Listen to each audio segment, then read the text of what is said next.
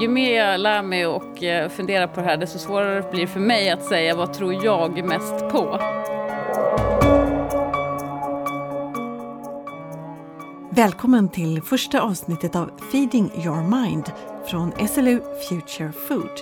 Vi ställer frågan vad som är framtidens mat. Podd är ju ett bra format tycker jag. Det är ett bra sätt att ta till sig information. Säger Gunilla Leffler, kommunikatör på Future Food vid SLU, som handlar om framtidens mat helt enkelt. Och Ann-Sofie Wahlström är programchef för Future Food. En forskningsplattform som jobbar vid SLU och visionen är att vi ska kunna bidra till att skapa ett hållbart livsmedelssystem. Från ekonomisk hållbarhet till social hållbarhet och ekologisk hållbarhet. Hela systemet. Från jorden, där det, produktionen börjar, till tallriken där vi sätter oss för att äta. Och, och även återvinningen tillbaka så att man hela tiden får med sig ett kretslopp.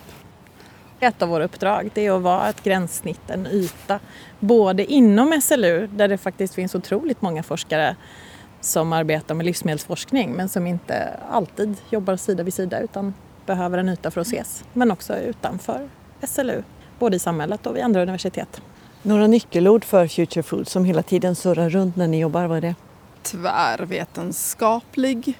Hållbarhet. Hållbarhet, absolut. Smak. Fakta. En annan medarbetare vid SLU Future Food är måltidsforskaren Rickard Tellström. Ingen vet ju säkert, men eh, hur äter vi i framtiden, Rickard?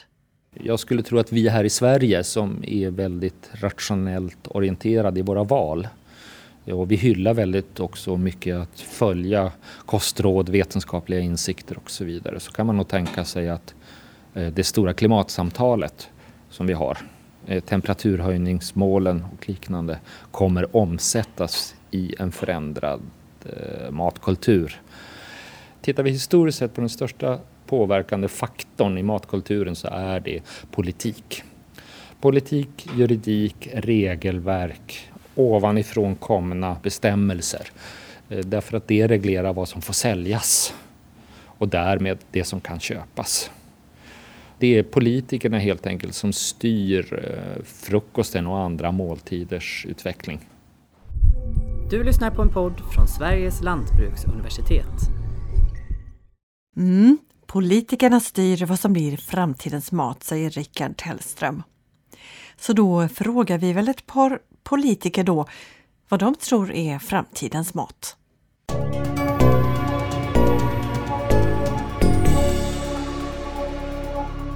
Jag heter Karolina Skog och jag kommer från Miljöpartiet. Mat är så många olika aspekter. En fråga som jag definitivt tror att vi kommer förändra framöver det är ju proteininnehållet i eh, vår mat. Och då både tror och hoppas jag eh, att vi kommer gå över till mer växtprotein. Jag ser goda möjligheter att odla mer växtprotein i Sverige på ett hållbart sätt eh, och ersätta en del av framförallt det importerade eh, proteinet som är en stor del av vår mat idag. Hej, jag heter Sofia Arkelsten. Jag är riksdagsledamot. Jag jobbar mest med bistånd, säkerhet och hållbarhetsfrågor och har jobbat mycket med miljö. Riksdagsledamot för Moderaterna. Jag är väldigt hes idag, men det är bättre än igår. Framtidens mat kommer vara god och den kommer vara hälsosam samtidigt. Eh, det tror jag är liksom grunden faktiskt. Eh, jag tror också att den kommer vara mycket mer medveten. Mat är ju redan väldigt mycket en livsstilsmarkör en kulturbärare. Det är väldigt personligt och det är också väldigt laddade frågor. Det vet jag för jag har jobbat med det politiskt också. Och det ligger väldigt nära människors eh, egna val. Jag tror att som vegetarian så har man ju ätit rätt mycket som kanske inte är så himla gott men det är vegetariskt. Vegetariskt är ingen smak eh, utan det kan vara olika saker och det kommer också komma ett lite mer lyxigare segment av vegetariskt. Här i första avsnittet av Feeding your mind ställer vi frågan rakt upp och ner till kända och okända. Vad tror du blir framtidens mat? Och efter ett par politiker tillbaka lite till forskarvärlden. Elin Röset, jag är forskare på Sveriges lantbruksuniversitet, forskar om matens miljöpåverkan. Vad har vi att välja på för en hållbar matkonsumtion framöver? Egentligen har vi inte så mycket val. Eh, för så allvarligt som läget är nu så måste vi göra allt som står i vår makt faktiskt. Så det handlar både om att förbättra produktionen. Det handlar om att eh, effektivisera och implementera de tekniska lösningar som vi, mycket tekniska lösningar som vi redan har som vi skulle kunna implementera. Och ny teknik också. Och sen handlar det också om att eh, förändra kostmönstren eh, i, i den rika delen av världen, eller bland de rika då, som äter en kost som är väldigt resurskrävande med mycket, mycket kött och animalier. Och sen minska då svinn och förluster. Så alla de här åtgärderna eh, behövs. Man är lite oense i branschen och eh, vad, vad, ska man satsa på? Vad är realistiskt att göra? Vad är det för lösningar som man för fram då? Eh, och de där bottnar sig väldigt ofta i perspektiv på vad man tror att man kan åstadkomma med teknik och beteendeförändringar. Till exempel om man inte tror att vi kan ändra folks beteenden, vilket man ju kan ha goda grunder för att uh, tvivla på. Så då är det ju bara att effektivisera produktionen så mycket det bara går. Och sen får vi leva med en viss miljöpåverkan då. Varför ska det vara så himla svårt att ändra folks beteenden då? Nej, det kanske inte behöver vara det. Vi har ju kanske inte riktigt försökt. Vi har inte så mycket styrmedel, eller nästan ingenting, när det gäller livsmedelskonsumtionen. Och vi lever i en miljö där vi hela tiden eh, uppmanas att äta. Till och med när man går på Bauhaus och ska handla byggvaror så kan man köpa kexchoklad och andra onyttigheter i kassan. Så att vi kan nog förändra mycket också. Det kanske går att förändra eh, hur vi äter.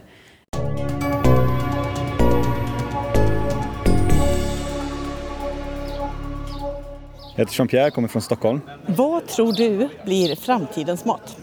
Eh, lite osäkert på vad framtidens mat kommer bli men eh, jag tror man kanske kommer satsa lite mer på lite så artificiell labbskapad mat. Eh, odlat kött och så? Odlat kött, lite så här, ja, tillverkat i labbet. Inte för att det är bra men jag tror eh, många kommer nog försöka experimentera åt det hållet. Och skulle du vara intresserad av att äta det då? Jag tror nog inte det. Vad hoppas du blir framtidens mat då? Ja, vad ska man säga? Mer ekologiskt, mer eh, naturligt. Skär ner på köttätandet och ja, lite mer ekologiskt. Äter du själv kött idag? Jag äter kött, ja. Jag heter Amanda, jag bor i Stockholm just nu. Vad tror du blir framtidens mat? Eh, jag tror att framtidens mat blir mer vegetariskt, mer ekologiskt eh, närproducerat. Ser, ser, du tendenser till det redan nu? Ja, det känns som att folks medvetenhet ökar mer, att man kanske funderar mer på vad man köper i affären och så. Sen så känns det som att politiken jobbar mer nu för att eh, se till att det ska bli lätt att välja rätt när man handlar som konsument. Mer medvetna konsumenter och konsumenter som bryr sig om både det ena och det andra. Är det kanske sådana konsumenter som bestämmer vad som är framtidens mat? Jag heter Per Sandin. Jag är filosof och lektor i bioetik och miljöetik vid Sveriges lantbruksuniversitet. Du är moralfilosof? Ja. Just djurvälfärd och även djurrättshänsyn får vi allt större utrymme i diskussionen kring livsmedel.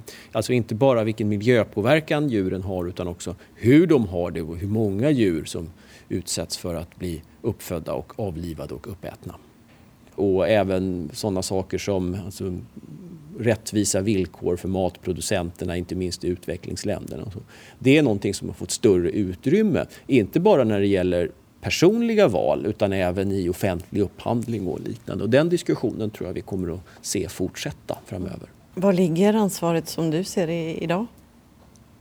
Alltså man kan ju fråga var ansvaret ligger i meningen vem borde göra de här valen? Och eh, för min del så skulle jag vilja säga att ansvaret bör i större utsträckning ligga på den som faktiskt kan åstadkomma någonting. Och där tror jag att vi måste flytta fokus lite grann från den individuella konsumenten till politiken och till det offentliga. Det behöver inte betyda att man tänker att det här fixar någon annan utan det är kanske att vi måste fixa det här tillsammans. Och det räcker inte med att jag sopsorterar och att jag tittar på uh, ungefär vilket, uh, vilken tetra jag väljer när jag går och köper frukost. Det, det behövs båda delarna.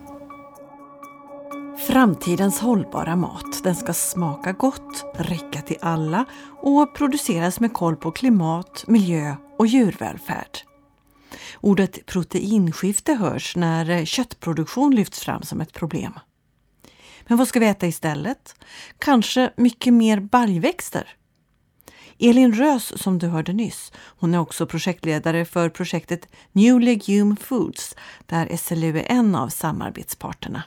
Det finns enormt mycket intresse för, för, för mer baljväxter i kosten och här handlar det ju mycket om att äta baljväxterna direkt istället för att utfodra djur med dem som vi gör idag i stor utsträckning. Så här finns stor potential.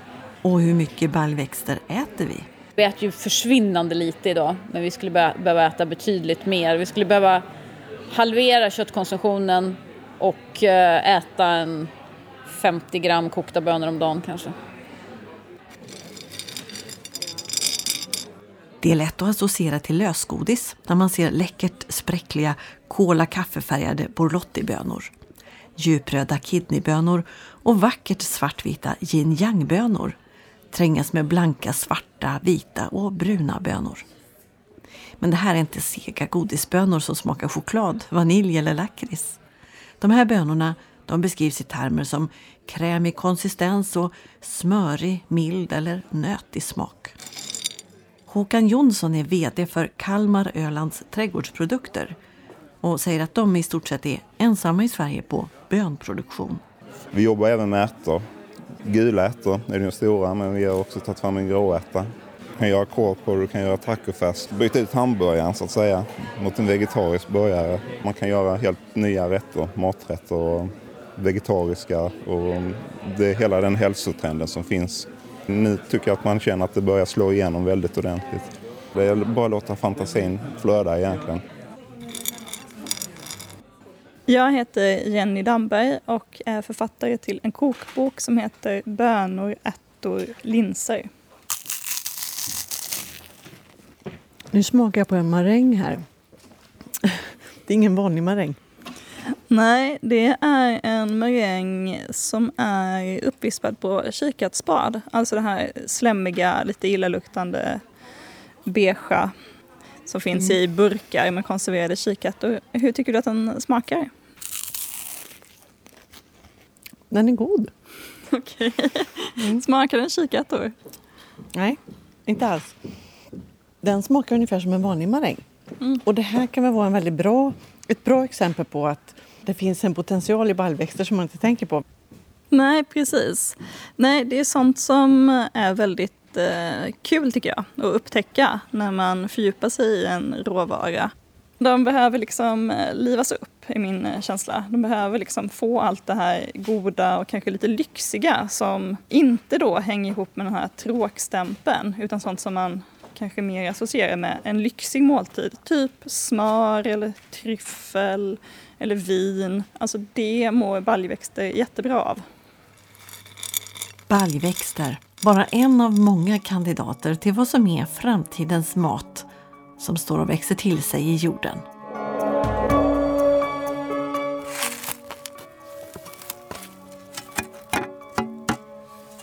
Jorden som vi trampar runt på varje dag, det är både planeten, jorden och jorden som vi odlar i, mullen. Från jord till bord säger vi ibland för att enkelt, kort och kärnfullt sammanfatta den långa vägen mellan ursprunget till vad vi äter och det färdiga livsmedlet som vi tuggar på. There's only one earth. Nu måste jag prata lite svengelska. Och vi måste ta hand om det. Och det är också intressant för jorden, det är ju jord. Och då kan man säga mark som man odlar och själva jorden som vi lever i, så earth, jord. Egentligen marken är ju bas till allt. Utan mark, ingen mat.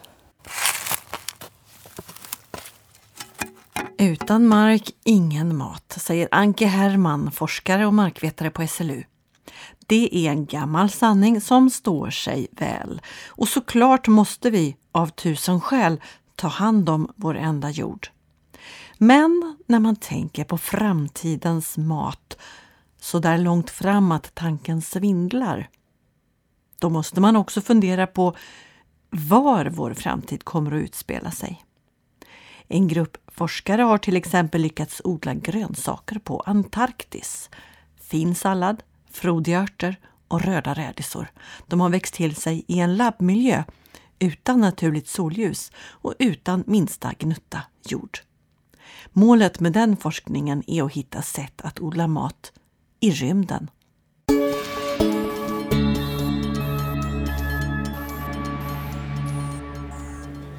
Emma Frans, jag är doktor i epidemiologi. Jag forskar vid Karolinska institutet och sen så är jag vetenskapsskribent, eh, skriver för Svenska Dagbladet och är också SVT-medarbetare. Jag tror ju att vi kommer eh, äta mer vegetariskt. Sen så tycker jag att det är väldigt spännande också med det här med, med eh, kött som eh, artificiellt kött. tycker jag är intressant. Eh, framförallt för att jag hörde någon podcast där de pratade om etisk kannibalism.